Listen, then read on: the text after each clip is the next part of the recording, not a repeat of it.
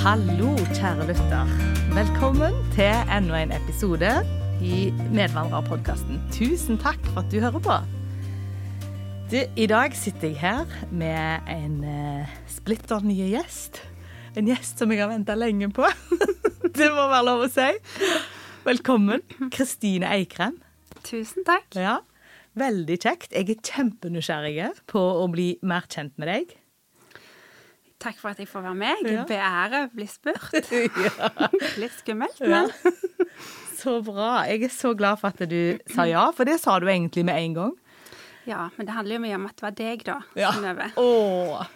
Åh. Hadde ikke sagt ja til hvem som helst. Hadde du ikke det, nei? Nei, nei. nei. ikke det. nei. Så bra. Nei, men jeg, er- jeg er veldig nysgjerrig på deg.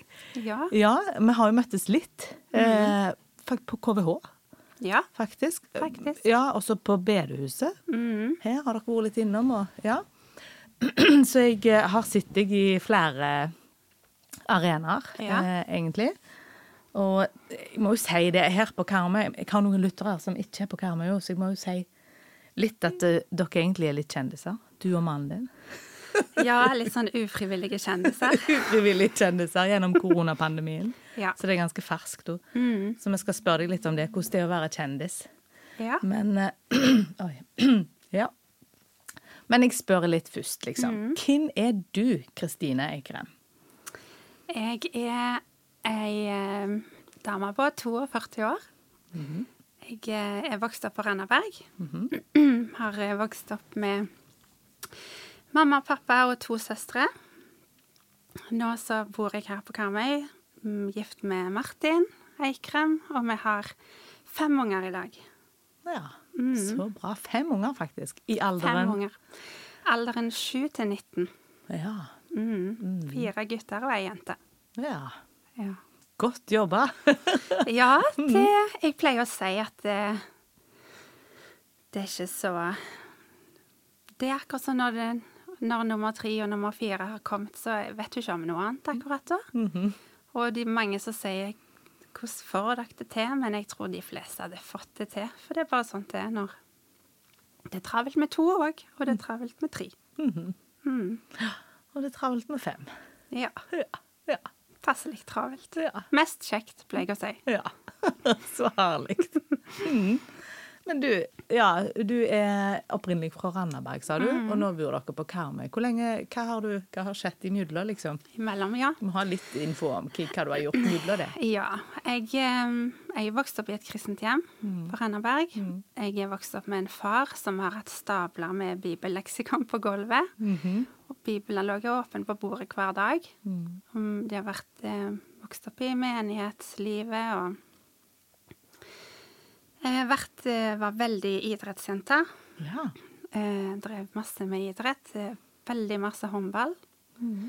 Spilte i Stavanger. Så ble fikk jeg faktisk en, en såpass alvorlig skade at jeg var nødt til å gi meg. Så da bestemte jeg meg for å bli student i Bergen. Så begynte jeg på psykologi der. Oh, ja. Og så, da var jeg jo 19. Em, så traff jeg Martin i et bryllup når vi var 21. Gifta vi oss en liten stund etterpå det, og så studerte vi jo i Bergen begge to. Em, var med i eh, pionerkirka der i Bergen, og når Martin skulle velge turnusplass, så fikk han ikke så veldig godt tall i trekningen, så det var mange plasser det ikke var aktuelt å kunne velge. Så da valgte vi Haugesund, fordi der var der òg pionerkirka. Og der hadde vi masse gode venner fra før. Eh, og når han var ferdig i turnus, så fikk han tilbud om fastlegehjemmel ja. på Akra. Og da valgte vi å bli og bygde hus på Karmøy. Men du var ikke blitt psykolog da? Nei da. Jeg eh, ga meg etter psykologi grunnfag. Ja, okay. Og så har jeg tatt eh, sykepleien og noen flere års studium. Litt sånn underveis. Ja. Mm. Så bra. Så nå har vi jo vært her i 14 år. Hvor på Karmøy bor dere? Vi bor eh, to kilometer forbi Kopervik mot Skudenes. Ja. Mm. Mot stranda, som vi sier. -hmm. Ja, ja, fint der. Mhm. Ja, det er fint. På austre sida. Ja. på austre sida. Mm. ja. ja. Men så bra. Eh, Og nå jobber du som sykepleier, da? Nå er jeg i, i sykepleierstillinger, Mhm. Men eh, mest administrativt. Men jeg prøver òg å være med på gulvet så mye som jeg kan. Mhm. Det er jo voldsomt kjekt, syns jeg. Mhm. Ikke bare sitte på et kontor. Mhm. Mm. Ja, ja, ja. Mhm. Men du, hvem er liksom familien Eikrem, da? Og hvem er du, på en måte, i den? Hvordan er det hjemme hos dere? Kan jeg Hjemme hos oss er det vi, med, For det første er vi en god gjeng, vi er jo sju stykk. Mhm. Så er, vi har alltid følelsen av at det er folk hjemme. Ja. Um, Var du vant med det òg? Var dere en stor familie? nei, altså vi er tre jenter. Ja, ok. Tre søsken. Mhm. Men jeg er vant med veldig masse lyd og liv og røre Mhm. hjemme. Mhm. Ehm, og, og noe av det tror jeg nok um, Pikenavnet mitt var jo Koll Hansen, og vi pleier å si Martin, mannen min, da pleier å si at det, det der er Koll Hansen. OK. Mm, og da er det gjerne hvis det er litt ekstra høyt volum på stemmene, eller um, så, så jeg er vant med at det er høylytt rundt middagsbordet, selv om vi var fem. Mhm. Mm. Så hjemme hos oss så er det Det er jo mye som skjer. Det er um, eh, De skal jo på forskjellige aktiviteter. Det, vi har en god timeplan. Og eh, det er en, god porsjon med humor. Mhm. Eh, Det er både krangling og diskusjoner, men så har vi det mye veldig kjekt i lag òg, da. Kommentarene sitter litt løst, og mm. jeg eh, Ja, vi har Jeg tror jeg lander på at vi har sånn passe takhøyde. Ja. Ja. Men eh, det er litt liv og røre. Mhm. Det er jo det. Mhm. Mhm. Så bra. Det må jo være det, men sånn en gjeng. Så herlig. Mm. Men du, litt mer om eh, på en måte det som har vært. For du har alltid vært en kristen, da sier du vel? Du er oppvokst i et kristent hjem, iallfall? Ja. Altså, er det noen personer eller noen hendelser eller noe som har hatt betydning for din relasjon til Jesus? Ja, det har det absolutt. Som jeg sa innledningsvis, så har jo eh, Pappa har vært veldig viktig. Ja. Han har vært et Og det har jeg jo innsett eh, jo eldre jeg har blitt. Mm. Hvor viktig forbilde han har vært hjemme. I nærheten til Jesus. Eh, hvordan han har holdt seg åndelig friske. Brukt masse tid i Bibelen. Jeg vet at han har bedt på nettene, han har fasta, han har vært søndagsskolelærer i sikkert 20 år. Har vært søndagsskolelæreren min hele oppveksten. Um, så der har det vært en trygghet og en stabilitet i hjemmet som jeg setter mer pris på nå enn noen gang. Um, og ehm, Og så har det vært Jeg har liksom oppdaga med meg sjøl at um, det mest spennende jeg visste på bedehuset på Randaberg, det var det hvis det handla om misjon. Hvis det handla om misjonærer. Misjonærer som reise ut, eller som kom hjem for å fortelle. Vi hadde en eh, familie ikke langt fra oss som eh, var misjonærer i Afrika, men de var jo hjemme av og til. Og da sto jeg der på døra, for der ville jeg helst være. Det, for meg så var det en sånn kjempeeksotiske familie. Så det, det har vært eh, eh, viktig. Fordi det har vært i ryggmargen min siden. Så jeg har eh, eh, Ja. Det har vært viktig. Og så har det Martin vært kjempeviktig. Um, absolutt. Det livet vi valgte i lag. Eh, I tjeneste helt fra vi ble i lag, egentlig. Ja, I Pionerkirken i Bergen. I Pionerkirka i Bergen, ja. Hva slags eh, oppgaver hadde dere der? Eh, der var vi I starten så var vi Hadde vi forskjellige eh, vi var, Martin ble veldig tidlig med i lederskap der. Eh, og vi var med på mye ledertrening og hadde mm, flotte folk som vi gikk sammen med. Til mentorer og eh, Og jeg er gift med en enormt inkluderende person. Så vi hadde enormt masse besøk. Ja. Middager flere ganger i uka med folk fra studier, fra menighet. Eh, og vi hadde ansvar for dette med husfellesskap. Vi har ledet mange husfellesskap og gjerne hatt to husfellesskap i uka fast hjemme hos oss. I Bergen, når dere var unge og Mens vi var studenter. Og vi fikk jo unger òg mens vi studerte Ja. i Bergen. Så det var veldig sånn typisk scenario. Det var at jeg kom ut fra sykepleierhøgskolen, skulle hente ungene, og så ringer Martin. Det kommer seks stykk på middag om en og en halv time. Så var det bare å jogge til barnehagen da, og jogge hjem. Skyndte å lage noe. Og rydde en 70 kvadrats leilighet på rekordtid. Og måke seg fram til seng om kvelden, sant? for da hadde vi Så det var Så vi har vi, brukt, vi brukte mye tid på å være inkluderende. Ja. Hva tenker du om det nå? Um, jeg tenker at vi levde et ganske vilt liv Ja. I studietida. Hadde du gjort det om igjen? Ja, Ja, jeg hadde det. kult. Ja. Ja. Fordi vi gjorde det jo i lag. ja. Ja. Vi har egentlig alltid gjort ting i lag. Og da, da går det jo bra. Mhm. Mm. Men det var travelt. Mhm. Men eh, veldig spennende òg. Mhm.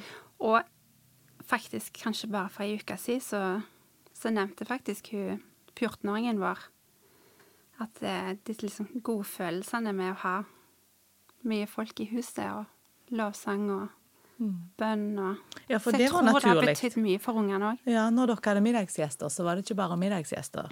Det var lovsang og bønn? Ja, det bønn var og- ofte Mhm. Ja, Ja. absolutt. Ja. Samtaler om livet og For det var jo ofte en mål og mening med det, Ja.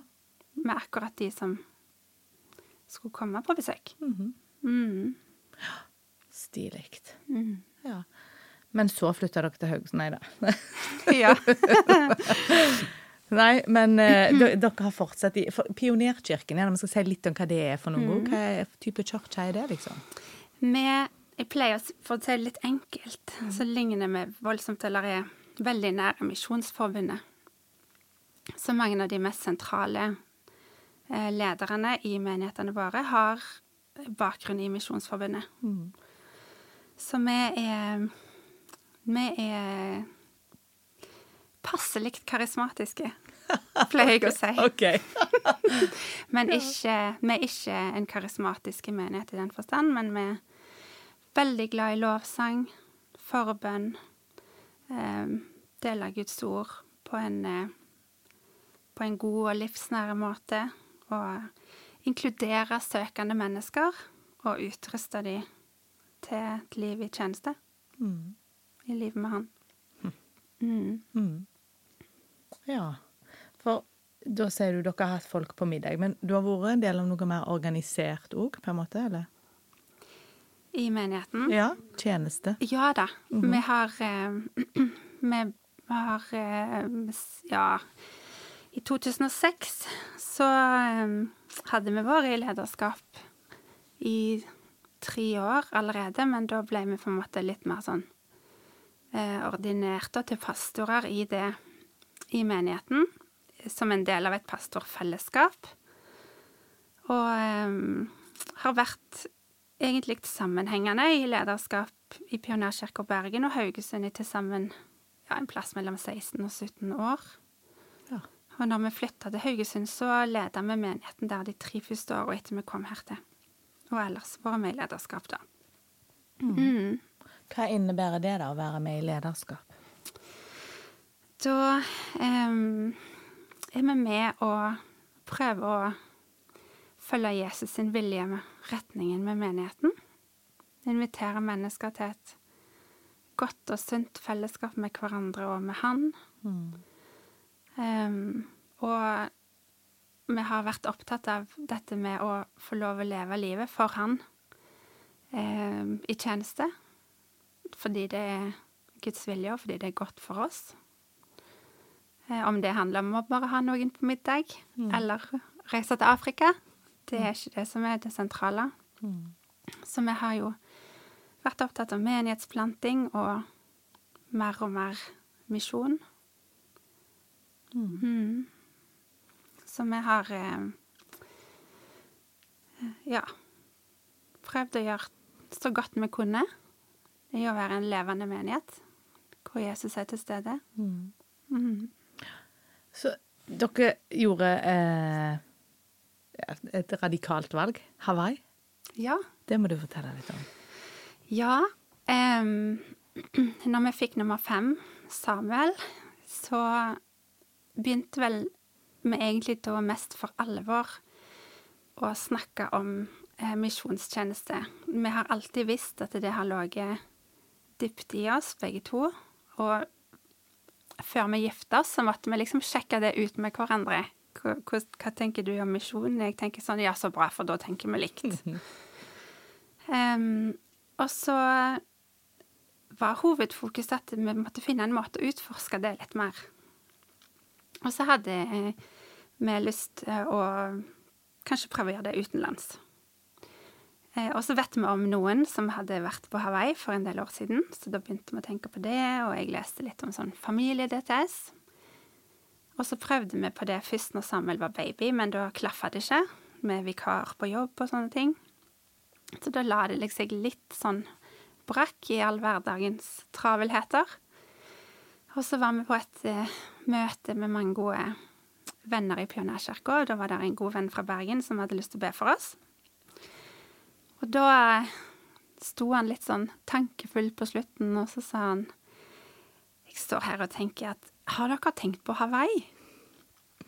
Og da fikk vi jo på en måte Da opplevde vi veldig tydelig at dette, ja, dette er Gud. Mm. For Sånn- dere hadde ikke sagt noen ting til Nei, han visste ikke det. Nei. Nei, nei, nei. Vi hadde ikke det. Ehm, så han òg ble jo veldig positivt opp, overraska og oppmuntra da, når vi begynte å le spontant, og når han kom, kom med den.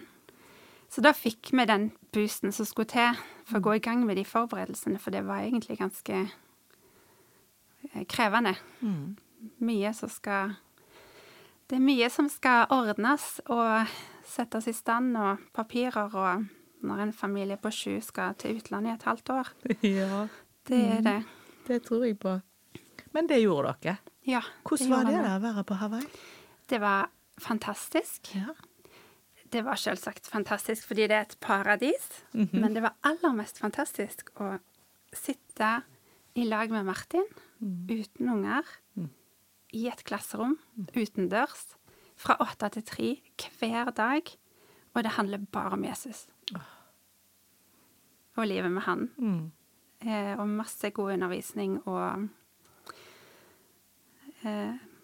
prat og relasjoner, utforsking med hva, kan mer vil Gud med vårt liv. Og ungene gikk på sin egen eh, på en måte barne-DTS på et vis. Eller de var jo på skolen hele dagene, de òg. Mm. Og lærte om Jesus og seg sjøl og sin relasjon til Jesus. Så det var en sånn unike ting. Hva sitter dere mest igjen med etter det, da? Hva, hva kom da ut av det, eller? Jo, det er at vi har fått en utrolig stor kjærlighet til nasjonene. Ja. Det var en fantastisk oppdagelse. For vi, vi, jo, vi var jo representert, tror jeg, 50 nasjoner på den basen når vi var der. Ungene mine var i klasserommet hver dag med unger fra kanskje 10-15 forskjellige nasjoner.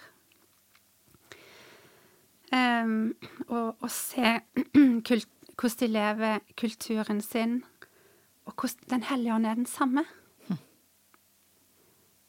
i hele verden. Hvordan ånden er den samme om du så treffer noen fra Singapore eller Sør-Korea eller Australia eller Afrika. Hvordan vi å komme sammen fra så mange forskjellige nasjoner og snakke helt samme språk. Og vite at det er, kjenne at det er den samme Jesus, den samme ånden vi har i oss. Det var en mind-blowing opplevelse. Og veldig trosstyrkende. Mm. Mm. Som, så så um,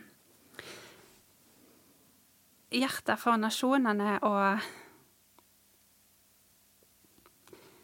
drømmen om å kunne tjene mennesker på mørke steder. Mm. Ikke så privilegert som vi har det, ble bare enda sterkere. Ja. Men dere er ikke reist ut som misjonærer etter dette nå? Dere er her? Vi bor her. Ja. Mm. Men vi har eh, Vi ble kjent med en eh, flott mann og en flott familie på Hawaii. Han er fra Kamerun. Han er født og vokst opp der. Um, han har en drøm og et hjerte for at eh, ungene i Kamerun skal få en bedre framtid og få leve med Jesus. Så spesielt Martin da, og han Jackson, som han heter, de har fått et veldig nært og flott forhold. Veldig spesielt fra starten. En veldig sterk opplevelse av at det var Gud som førte de sammen. Og etter hvert ei større gruppe, som vi har fått være med og starte en organisasjon som heter for TRIPS. Ja. Og som har gjort at vi har fått reise en del til Afrika og begynt å gjøre det som vi håper Gud har starta sammen med oss. ja. Mm. Trips. Trips. Kult. Ja, Det kan vi legge på bønnelista vår, da. Hvis ja kjempefint. Ja. Vi gjør det. Ja, for det er starten på en ny Altså en, en misjonsorganisasjon, ser du? Ja. det er Det er litt sånn Hans Nilsen Hauge, faktisk. OK. Fordi um, det handler om dette med å, å transformere en nasjon som verdimessig, sant? Ja. At uh, Guds verdier skal få være det som gjennomsyrer uh, det som skjer i et land, i styresett. Så en har på en måte delt inn samfunnet i syv sfærer. Og i skole, helse, altså utdanning, helse, government, altså myndigheter. Altså syv sfærer som på en måte dekker samfunnet og måten vi lever på. Eh, og da eh, inviterer vi yrkesfolk i de forskjellige samfunnssfærene som kan komme ned, undervise, være til stede, prate og, og dele Guds verdier. Hvordan kan jeg være en advokat i dette afrikanske landet med Guds verdier i ryggmargen? Mm. Eh, og rett og slett eh, gi ære til ære Gud med talentene som han har i jobben sin. Mm. I å endre samfunnet. For der er det gjerne kulturer som ja, tenker at lyging er greit, for eksempel. Korrupsjon. Mm. De kan ikke stole på politiet der, eksempel. Mm. Eller så lyge til politiet helt greit. Ja, Kanskje sant. det er sånn. Mhm. er mange forskjellige sånne utfordringer. Og, ehm, og det er klart eh, det, det er veldig, veldig spennende. Jeg var, vi var der nå i mai, Mhm. og da fikk jeg virkelig erfare at det er mulig. Ja. Det er en skole der nede med eh, 5000 elever. I Kamerun, dette. Mm. Mhm. En offentlig skole som har bedt organisasjonen vår om hjelp. Ja. De har jo store utfordringer med prostitusjon, overgrep, alkohol, narkotika inne I på skolen. skolen. Um, og for å gjøre en lang historie kort, så ble en rektor henta fra hovedstaden ned til Sør-Kamerun der for å på en måte prøve å redde denne skolen. Ja. Og han skrev et langt brev til oss. Hvor han ba om hjelp til psykisk helse, hvordan kan de støtte disse elevene for å gjøre gode valg. Så jeg var med og underviste der for de lærerne.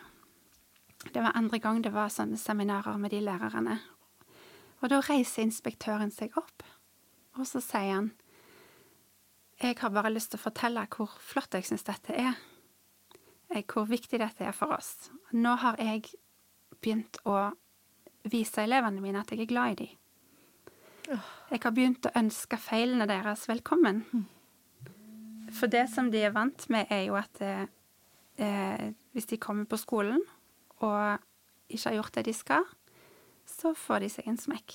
Det er belønning og straff.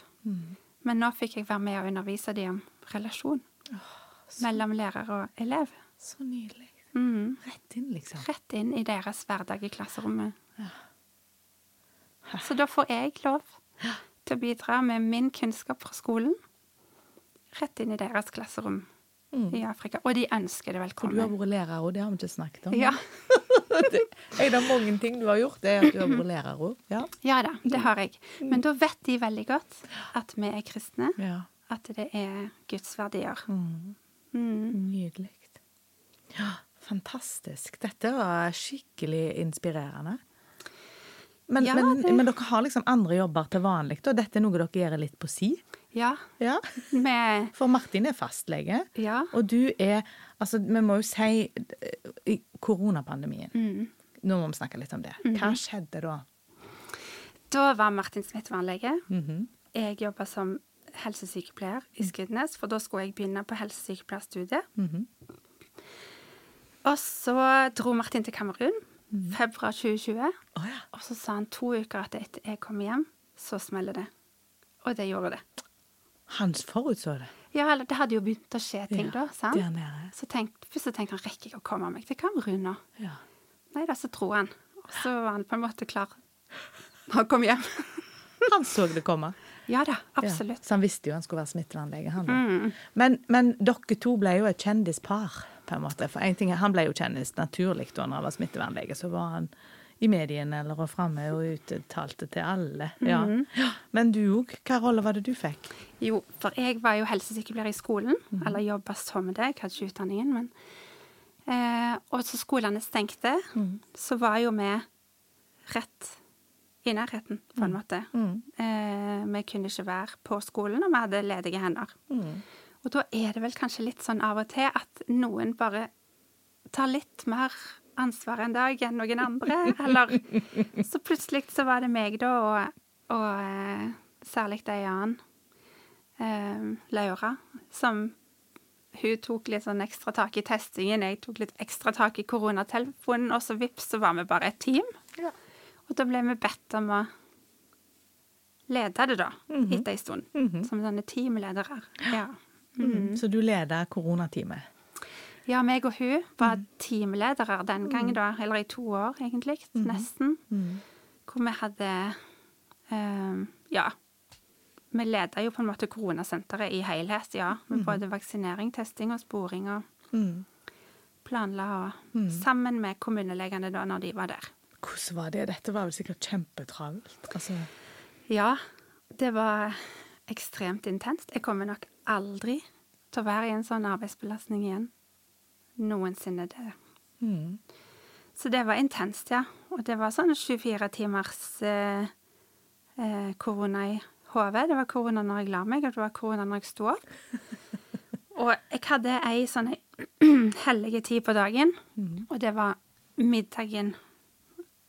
Du vet den tida når du går inn fra døra etter jobb, Mm. og til det sånn tikker mot leggetid. Da gjorde jeg alt jeg kunne for at, at ungene skulle få min oppmerksomhet. Og, -hmm.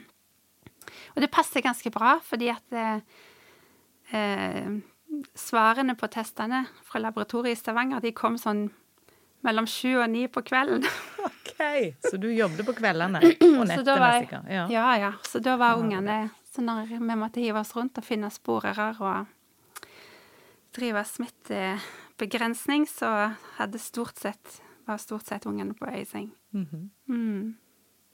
Men kaotisk i heimen, da. Herlighet. Ja, absolutt. Det var, det var eh, unntakstilstand. Ja. Ja. Og ungene, de eh, Når vi sa det var unntakstilstand, da forsto de det. Mhm. Og de, de har tålt det. Men eh, jeg har tenkt litt på det der, egentlig. Hva har dette her gjort med de? Jeg har tenkt ganske mye på det. Men eh, jeg ser at det, de har lært mye av det, de òg. Mm. Og, eh, og helt klart har hatt en veldig sånn sterk bevissthet rundt at mamma og pappa har verdens viktigste jobb. Du vet hvordan scenehodene er litt små, og Ja. Mm. Eh, Så de har følt at, det, at dette var kjempeviktig, og de har strukket seg, og de har skjønt prioriteringene. Og, og en veldig morsomme ting, da, for da var jo han yngste vår, Samuel, han er, han er en eh, snåling. Så han eh, Typisk var jo at laboratoriet i Stavanger ringte på kvelden. Og da visste jo alle at det måtte være stille, og hvis ikke Martin hadde en kulepenn rundt seg, så var det noen som kom løpende med en. Så skulle han jo skrive ned alle de positive nye tilfellene. Mhm. Og da satt Samuel, som da var fem år, Mm. i stua ene gangen vi hadde et utbrudd. Mhm. Så roper han til meg, vet du. 'Mamma, det er 17 positive! Det er ny rekord!' Og det var det jo. Ja. Det var ny rekord. 17 på én dag. Mhm. Så, så vi har jo levd i det, på en måte, hele familien. Alle var med på dette. Alle var med på dette på. Ja. sin egen lille måte. Mm. Mm. Men eh, det er klart det, det var en del dager hvor jeg tenkte at ja, de har rene truser, og de har fått kyss, klapp og klem. Så da Det var jeg nok. fornøyd. Det var nok. Ja. Ja. Kunne resten bare være. Ja, det er helt sant. Ja. Og jeg har vært sånn før, så ikke kunne sende ungene på skolen med et lite hull på kneet, eller ulike sokker. Mhm. Det har jeg aldri gjort, tror jeg, før pandemien. Nei. Men de gjorde det ganske ofte Mm. i 2020 og 2021. Men dette da, liksom, tenker du eh, For da har dere ikke vært så mye i menigheten deres? Dere har jobba døgnet på det? Nei, ikke like mye. Mhm. Vi har eh, Nei, det har vi ikke hatt eh, mulighet til, rett og slett. Mm. Um, og, og noen søndager så har vi kanskje tenkt at det var viktigere å være familie og gå tur i Verden fyr Mm. enn um, å være på gudstjeneste akkurat den dagen, fordi familietida var så verdifull, og kanskje en gudstjeneste i seg sjøl. Mm. Men har du tatt pause fra kristenlivet da, liksom, tenker du? Eller? Nei, Nei. absolutt ikke. Nei. Um, Går det an, egentlig? Ta pause fra Jesus? Jeg eh, På sett og vis, kanskje, i forhold til hvordan man bruker tida si. Men jeg tror hvis man har ei tro, så vil nok eh, verdiene og Jesus være i deg. Mm. Det handler nok mer om hvordan du bruker tida di, men Men eh, Nei, vi har ikke hatt pause fra kristenlivet. Egentlig tror jeg jeg vil si tvert imot, og kanskje litt i tråd med det som er visjonen til den organisasjonen i Afrika òg. for jeg når, vi fikk, når jeg skjønte at vi fikk muligheten til å være med på dette jeg da- Pandemien snakker du om nå? Mm, Mhm. Pandemien. Ja. Martin han måtte jo det, han var jo ansatt i den stillingen, på en måte. Mhm. Men når jeg fikk spørsmål og skulle si ja eller nei, så fikk jeg en veldig sånn tydelig tanke om at nei, dette kan jeg ikke si nei til. Denne muligheten må jeg ta. Hva kan jeg bruke dette til i misjonen, eksempel, seinere? Jeg tenker alt det som eh, Smittevern er jo internasjonalt. Smittevern er viktig i u-land. Ehm, så den kompetansen på alle de områdene i det fagfeltet uh, opplevde jeg at jeg ble leda til å være en del av i pandemiarbeidet her. Og så håper jeg og drømmer om at jeg skal få bruke den erfaringen, at det virkelig er en plan med det, på en annen plass en eller annen gang. Kult. Mm. Så jeg, jeg har et misjonskall her. Ja, det Det Men det. dere lever det jo ut på sett og vis allerede med, gjennom den organisasjonen. Mm. Altså, Kristine, det er, det er liksom åh, overveldende Nei, det er ikke overveldende, men det er, det er veldig sånn åh, du er engasjerte dame. Opplevd masse. Eh, og, og på en måte er med på mange ting. Eh, jeg tenker sånn, Det høres ut som du har veldig stor kapasitet. Ja jeg, ja, jeg tror nok at jeg har det. Og når jeg tenker tilbake, så har jeg nok alltid hatt det. Jeg, eh, jeg eh, hadde en voldsomt tette timeplaner jeg var tenåring, og, og jeg gikk på mange fritidsaktiviteter. Og Men har du, har du liksom vært i nærheten av den her berømmelige veggen? Har du møtt veggen? nei, Og hvorfor kan ikke? ikke si at jeg har det. Hva er på en måte hemmeligheten? Ja, og det er så mange som har spurt meg om det nå. Ja, er På- det det? Ja, i, Ja. i forskjellige varianter, Ja. spørsmålet da. Ja.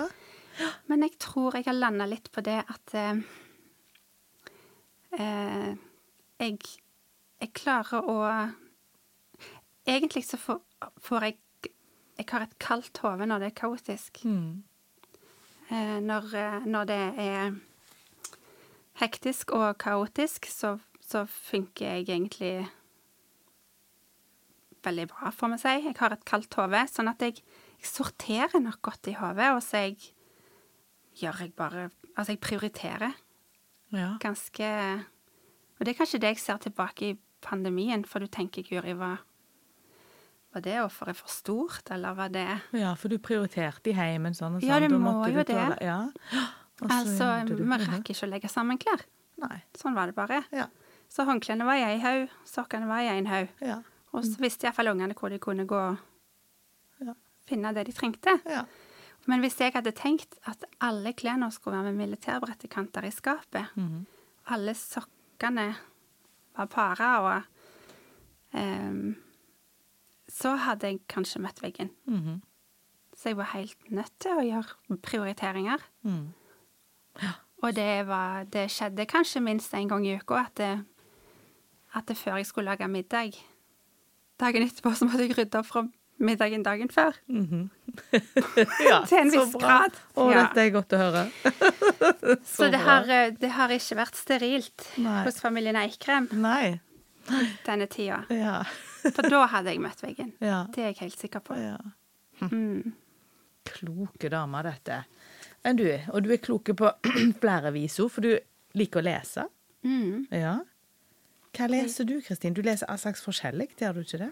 Du er sånn Jo. Nerd? Ja, Er jeg er litt nerd, altså. Ja. Um, jeg, jeg har vel lest litt forskjellige ting på litt forskjellige tider i livet. Mm. Um, jeg leser ikke så mye sånne romaner og sånt. Jeg er ikke sånn som vet alle bøkene i butikken og de romanene de siste ti årene. Sånt er det absolutt ikke. Nei. Men jeg kan lese en eh, roman eller skjønnlitteratur hvis det har litt historiske innslag. Jeg er veldig glad i historie. Og så liker jeg å lese om ja, På en måte si biografier, da, men å lese og lære om mennesker som har gjort en stor forskjell. Mm. Mennesker som har vært modige. Og kanskje spesielt hvis det handler om at de har valgt å følge Jesus, selv om det var beintøft. Og hva frukter det har gitt. Misjonshistorie, for eksempel, syns jeg er kjempespennende. Misjonærer som har levd nesten hele livet sitt med alt som de har ofra og alt som de har opplevd. Det er veldig spennende, syns jeg. Og så er jeg nok eh, Ja. Jeg er en akademisk på, en måte, på den måten at jeg liker å lese Jeg kan jo faktisk like å lese forskning. Ja. Det kommer godt med når du skulle lese om koronaforskning. Ja, så der fikk det liksom komme litt til. Mm. Mm. Mm. Ja, så bra. Knallspennende. Men Bibelen, da? Bibelen Ja, som jeg sa, jeg har, jeg har skjønt etter jeg ble eldre, at jeg har ei arv der fra familien min eh, med pappa, som leste så enormt masse i Bibelen. Eh, og det tror jeg det har eh, Det har Gud velsigna oss med, oss tre søstre. At vi fikk se det, oppleve det, leve nær til det. Så jeg er veldig glad i Bibelen. Um, og har i perioder lest mye i Bibelen. Og um, hatt fellesskap med andre, eh, hvor vi har hatt fokus på hvordan det er å lese i Bibelen, hvordan vi forholder oss til Guds ord, Mm. hvilke referanser vi har, og hvordan vi griper fatt på det Mm. på en sånn måte at det, Mm. Men i vi får finne veien hjem til Gud. Ja, Leser du nå, liksom? Mm, Ja. jeg gjør det. Hvordan da? Og det kan være forskjellig. Um, en periode rett før um, pandemien egentlig brøt ut, så satte jeg i gang med å lese gjennom Gamle testamentet. Um, selv om jeg har hun lest Det gamle testamentet mange ganger før. Mhm. Du har Men- vært gjennom hele Bibelen mange ganger, eller? Nei, Oh, nei, ikke det? ikke sånn. Ja, ok. Ikke sånn fra ende til ende mange Nei. ganger. Det har jeg ikke. Eller hvis du tenker å lese den sammenhengende, men jeg har jo lest um, ganske mye i Bibelen over Ja. mange år. Men um, jeg kan kanskje Det blir gjerne å velge seg ut ei bok. Mhm. Mm, og lese Bibelen som den historieboka som den er. Mm. Mm. Og gjerne sammen med andre, da, sier du. Mm. Ja. Så veldig fint. Jeg har gjort en oppdagelse etter Hawaii. Um, for der lærte vi en del om å lese Bibelen høyt, lese Bibelen sammen, eh, lære seg um, lengre tekster, historier, utenat. Oh, ja. Og kunne framføre det Oi. som en historiefortelling mer enn å lese det. Oi, kan du det? Ja, jeg har lært Ja. Må ta en, en egen episode på det. Ja. det er jo gøy. På, på DTS-en på Hawaii så hadde vi ei uke hvor vi skulle memorere Oi. en eh, bibelhistorie. Aha. Og så framføre det som en historiefortelling, da. Ja. Formidling og sånt. Hva valgte du? Eh, Den bortkomne sønn. Å, Mm. fantastisk. Så det har jeg gjort noen ganger etter jeg kom hjem til Norge. Ja. Så, det, så der er noe litt sånt vakkert med Bibelen som jeg fikk oppdaga litt sånn for første gang. Mm. Mm. Og så leser du litt teologi, eller?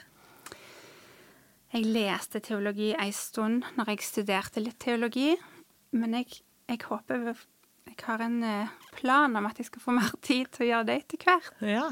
for jeg er veldig glad i det. Mhm. Mm. ja. Jeg eh, det er kjempespennende å høre på disse her bibelhøvdingene som refererer til gresk sånt og gresk sånt, og mm Mhm. da er jeg en svamp. ja. Ja. Men du, jeg har et spørsmål til, da. Mhm. For den observante lytter, så kan jeg jo si det at jeg har endra de to spørsmålene mine. Ja. Eh, Så jeg har allerede spurt det første. Mhm. Det var liksom hvem som, eller hva som hadde hatt betydning for din relasjon til Jesus. Mm. Og det andre spørsmålet som jeg vil komme med nå, da, det er hva er viktig for din vandring videre i lag med Jesus nå? Det som er viktig, er jo at det er jeg At det er jeg velger å sette Jesus høyt i livet mitt. At jeg har en bevisst tanke om at jeg vil følge han. Mm. Det er jo det aller viktigste. Um, så men sånn rent Helt sånn konkret i mitt liv nå, så er det at eh, relasjonen min til Martin er veldig viktig. At vi fortsetter å gjøre dette i lag. At vi har fellesskap med Jesus i lag. At vi søker misjonskallet vårt i lag. Også er det viktig at vi, at vi gjør det som familie. Ehm, at hele familien er med, samme hvordan det kommer til å se ut. Og så er fellesskap med andre kristne, menighet, er veldig viktig for oss. Og det er noe som jeg ser veldig mye fram til nå. Å få mer tid til å være mer sosial igjen Etter pandemien. Ja. etter pandemien. Og, og finne litt tilbake til den rytmen Mm. som vi hadde før. Mm. For det tror jeg vi skal. Mm. Eh, så det, ser, det har vi snakket en del om. og Det ser vi fram til. Mm. Mm. Så bra. Det er skikkelig spennende å, å snakke med deg, men vi må snart gå inn for landing, tror jeg. Men Mm. altså uh, Ja. Vi har jo blitt litt mer kjent med deg nå, eh, Kristine. Mhm. Er det noe du tenker på liksom du har lyst til å fortelle oss? Noen anbefalinger du vil gi videre?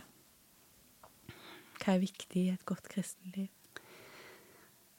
Jeg tenker at det, jeg har prøvd å um, leve hele livet mitt mer eh, som et vitne for Jesus.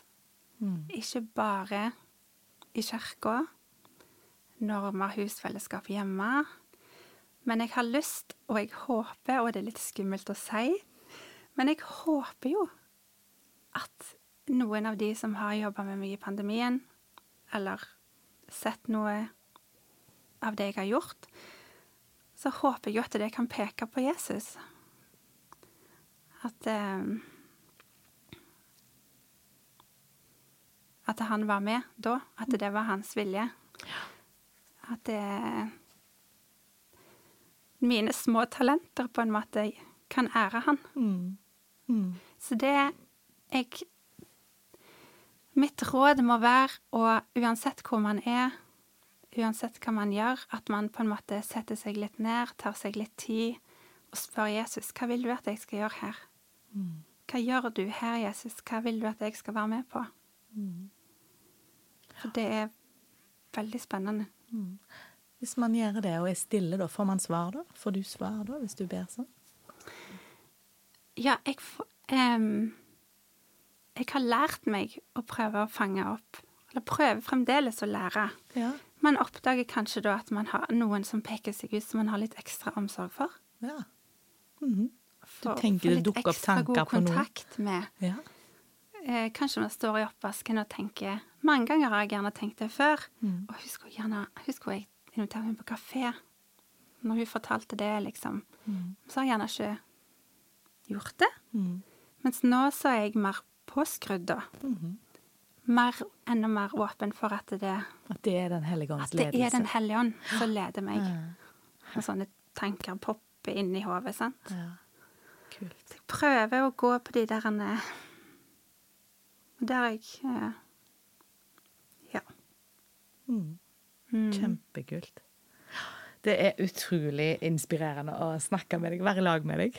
I like måte. Skulle unnt dere alle å treffe denne dama. Hun er helt rå. Ja, men da har jeg Jeg har lyst til å be litt for deg. Takk. Ja. Det setter jeg pris på. Mm. Så går vi mot en avslutning, så da Mm. gjør vi bare det. Ja. Gode himmelske Far, jeg har lyst til å takke deg for henne, Kristine.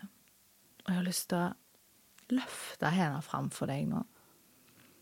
Herre, takk for eh, Takk for det engasjementet du har gitt henne. Takk for at hun villig deler eh, ifra sitt liv. Eh, og eh, at det er så merkbart å høre den liksom villigheten hun har til å ville tjene deg. Herre, jeg bare ber om at du må velsigne henne rikt tilbake. Og Herre, jeg ber om at hun må få lov å leve fortsatt i ditt lys, eh, med sitt liv og med sin familie. Jeg ber om at hun må få lov å fortsette å lytte og høre din stemme, at du må tale til henne, Herre, og lede veien for henne, Herre gjennom små og store valg i hverdagen, om det handler om menighet eller familie eller fritidssysler eller misjonskall, Herre, så må du lede veien for Anna Kristine. Herre, jeg ber om din velsignelse inn i alle relasjonene hennes. Du ser henne i rollen som eh, ektefelle. Må du være med henne der, gi henne visdom og kraft for deg.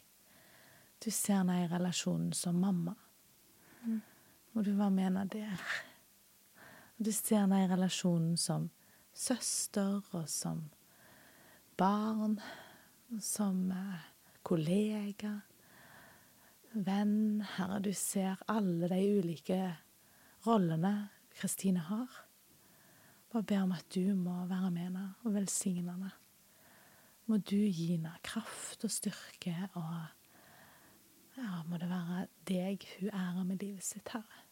Takk for at du har lovt, Herre, at du vil gå med. Takk for at du har masse løfter i ditt ord knytta til det å gå med deg. Du vil være med Anna Kristine alle dager. Uansett hvor hun er hen, det er ingen steder hun kan flykte fra deg, for du ser henne overalt, Herre. Og du elsker henne, og du har lyst å lede henne og være nær henne. Ber om at hun får fortsette å erfare det i sitt liv. At du åpner og lukker dører på den måten som du ser, og i din timing, Herre. Takk for at du har full kontroll.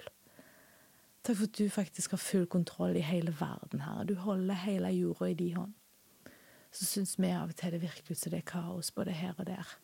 Enten i våre små liv eller i landene eller i den store verden. Men du har kontroll.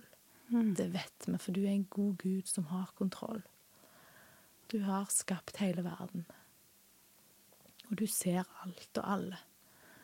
Det takker vi deg for og priser deg for, Herre, og bare ja, ber om å få lov å leve i din velsignelse med livene våre.